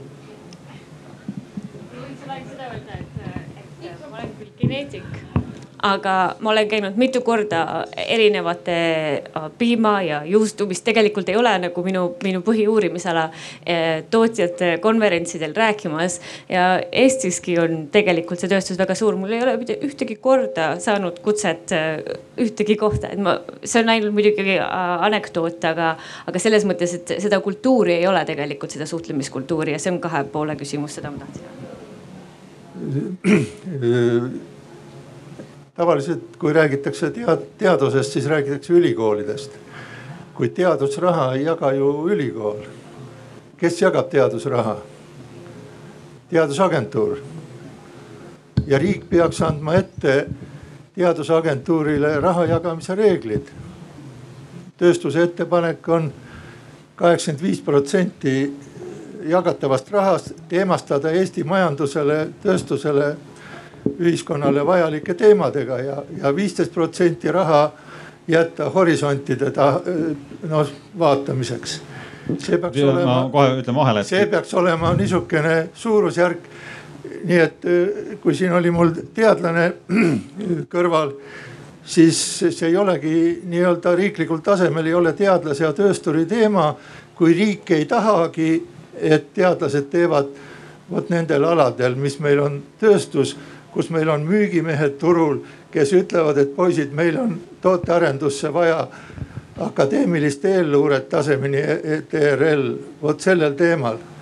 ärge hakake tootearendust tegema, see on meil tehases olemas tehke sinna ette oma akadeemilises aega küll stiilis riigi raha eest teadust aga ma ütlen kohe vahele, et tegelikult me, ETAG jagab või Eesti Teadusagentuur ja. jagab ainult kakskümmend protsenti Eesti teadusrahast. see on väga tühine osa tegelikult meie teadusrahast, ülejäänud ülejäänud läheb ikka igasugustest muudest kanalitest, et selles mõttes äh, ettevõtluse poolelt vaadates ei tasu keskenduda, et äh, ka Soomes on, äh, Soomes jagab Soome akadeemia, jah, Soome Akadeemia täpselt samasuguseid grante, ka umbes umbes enam-vähem samas proportsioonis nagu Eestis. aga mis, mis on Soomes eraldi meede, on äh, ettevõtlusele nii-öelda pikaajalised programmid, noh, mis on ära jagatud, siis on selline asutus nagu Business Finland ja, ja VTT, kes seda sõbralikult teevad. ja vot see tükk on Eestis puudu, et selles mõttes e-, Eesti Teadusagentuur on keskendunud akadeemilisele teadusele ja las ta olla, et selles mõttes üritada sinna. teadus ei, ei, ei pea olema nendel teemadel, mis Eestil, Eestis ei ole aktuaalsed no. akadeemiline teadus võib olla täpselt nendel teemadel, see TRL kolm sinna tootearendusele ette tehtuna ja seda te või, kui see määratakse ära, siis võib kakskümmend aastat äh, teadlane ülikoolis nühkida sedasama teemat, mis turul tehas lõpuks välja. kui antakse riigi, riigi rahaga antakse need teemad ette ülikooli teadlasele, siis tal ei olegi vaja nelja aasta tagant äh, teemat vahetada ja lihtsalt ma tahan, ma tahtsin öelda seda, et lihtsalt teadusagentuur ei ole õige koht, kust otsast alustada seda protsessi, et meil on aga, ju. aga Eestis... teadus, aga kui teadusagentuur teeb seda tööd, siis ta deblokeerib teadlase meie tööstuse jaoks. praegu läheb tööstus, tööstur läheb teadlase juurde ülikooli ta ütleb, aga mul on hobiteema valitud ja riik rahastab seda hobiteemat. ära, e- ära sega mind. Mm, ja, aga ette. aga ma tahan öelda veel siin, siin muuseumi inimestele ja kultuuriks, siin vastandati kuidagi kultuuri ja tööstust see on ainult Eestis võimalik, kus on teadmistepõhine ühiskond, et tootmispõhises Koreas näiteks Jüri Aarma proovis Korea ekskursiooni ajal rääkida mitte äh, Samsungi ja Kiia tehase töölistele, vaid kuskil kultuuriasutuses no, no Kiia äh, äh, seda nalja teha. Kiia teemal, no Kiia. ja, ja sealsed kultuuriinimesed ei võtnud seda nalja kuidagi üles, viisid jutu kuskile mujale. nii et lihtsa korealase jaoks, kellel on maailma tipptehased Samsung, Kiia, veel seal. Nende jaoks on tehnika tipp eksportimine maailma on kultuuri osa. kui te vaatate Eesti suvalist muuseumit, kus on tehnika sees, seal ei ole Eesti seadmed. lennusadamas on kõike muud tehnikat täis. nii et millal jõuab tehnika ja tipp jõuab kultuuri. nii, et siin oli üks küsimus, siia äh,. tänud, ma loodan, et ma ei ole viimane, siis ma võib-olla ütlen midagi natuke pessimistlikku, et äh, ma arvan, need lõhed, millest siin palju juttu on olnud näiteks äh, ettevõtjate ja teadlaste vahel või ka teadusmaastiku sees, et võib-olla nende taga ei ole lihtsalt see, et inimesed ei ole omavahel piisavalt rääkinud äh,. võib-olla ongi täiesti erinevad huvid mängus ja võib-olla tuleb ka seda vahel nagu tunnistada. noh, siin on ka välja tulnud, et eks Arvamusfestivalil me ka kõik väidame, et meie räägime mingi see, mis on Eestile kui tervikule hea ja me, eks me esindame enda vaatenurka. no näiteks kõlas et, et kaheksakümmend viis protsenti peaks olema tööstusega seotud teadusrahastus ja viisteist protsenti horisondi vaatamiseks noh, saab küsida, kas töösturi huvi on sama, mis nagu Eesti huvi, huvi kokku, et võib-olla tuleb ka mõelda sellele, et tõesti on mingid siuksed konfliktsed kohad teaduse ja mingi tööstuse vahel, aga ka teadusvaldkondade sees mida ei ole võimalik lahendada niimoodi, et leiame võimaluse, et äh, arutame läbi, et ahah, tegelikult me saame kõik võimalikult võita. äkki peab natukene tõesti ka enda huvide eest äh, välja seisma ja tuleb julgeda seda teha äh,. Nii, siin on kohe hästi mitu küsimust, aga ma ei tea, palju on, palju meil aega veel on? võib-olla, et igaüks lühidalt nagu sihuke, et neli ma ütlen hästi kiiresti, ma olen seitseteist aastat talendiarendusega töötanud ja minu jaoks on muusik, helilooja, teadlane, see on kõik üks, üks, sest nad on kõik loojad. ja äh, on väga üksikuid loojaid, kes on võimelised oma loomingut nii-öelda tutvustama, seda propageerima. siis kunstis on ju loodud selleks metseenid, on olemas agentuurid, kes tegelevad selle looja loomingu äh, maailma viimisega, selle tutvustamisega sellega, selle nii-öelda laiemale üldsusele äh, viimisega, et ma arvan, et siin on teadlaste võti, et teil on vaja ka samamoodi nagu kunstis metseene, kes sellega tegelevad tervist, ma tahaks äh, puudutada seda äh, ettevõtetega rääkimise teemat, et äh, ma olen käinud Eestis ülikoolis päris pikalt. olen ise ka Eestis ülikoolis õpetanud ja olen ka ühe õppekava programmijuht. ja niivõrd, kuivõrd me kujutame ette, et on mingid sellised teaduse tegemise protsessid või, või ütleme siis, ütleme siuksed karjäärimudelid, mis viivadki sind sinna nii-öelda puhta teaduseni. ja on sellised karjäärimudelid, mis peaksid lõpuks viima sind sinna suhtlusesse ettevõtlusega. et siis õppekavas on kindel arv ainepunkte ja kui sa hakkad sealt äh, nagu äh, sinna panema nagu, et neid oskusi, kuidas ettevõtted, ettevõtetega nagu suhelda, kuidas neile mingisugust lisandväärtust pakkuda, sest et mina tulin ülikoolist välja, ma olen nüüd osaliselt erasektoris ja ma saan aru sellest, kuidas ma üldse ei saanud aru, kuidas erasektor töötab. mis on seal oluline, kuidas neile nagu asju maha müüa, onju. aga kui ma oleksin noh, mingisuguse kakskümmend või kolmkümmend ainepunkti äh, mingite hetkel oma õpingute jooksul kulutanud sellele, et kuidas neid asju teha, siis järelikult, siis oleks nagu minu võimekus või suutlikkus või soov äh, saada doktoriks olnud oluliselt väiksem, onju. et selles mõttes on selge see, eks, et see aeg, mis inimene veedab ülikoolis, on piiratud nende ainepunktidega. ja nii kui sa hakkad sinna juurde panema seda, et, et kuidas äh, efektiivselt ja edukalt äh, ettevõtlusega suhelda, siis selle arvelt nii-öelda see puhta teadlase karjäär kahaneb. ja kui sa keskendud ainult sellele puhta teadlase karjäärile, siis see teine kahaneb ja siis ongi see, et sa justkui nagu peaksid väga varakult juba ette ette ära valima, mis laadi õppekava sa endale võtad, näib mulle. et noh, see on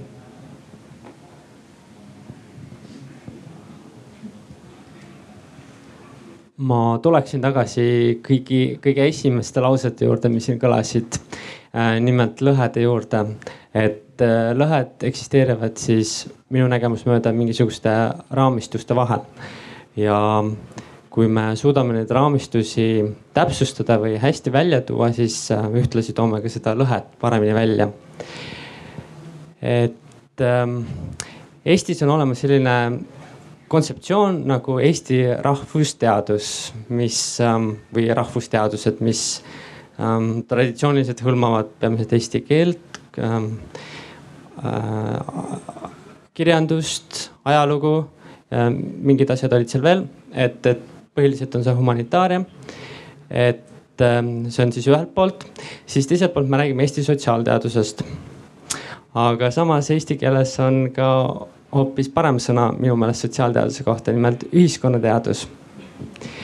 et seega, kui me alguses rääkisime sellest, et Eesti humanitaar- ja sotsiaalteaduste teadus, teadusrahastus on läinud alla, et kui me selle asendaksime sellega, et Eesti rahvus- ja ühiskonnateaduste rahastus lähe, näitab järjest vähenevat trendi, siis ma arvan, et, et see toob seda, seda lõhet palju paremini välja millest alguses juttu oli.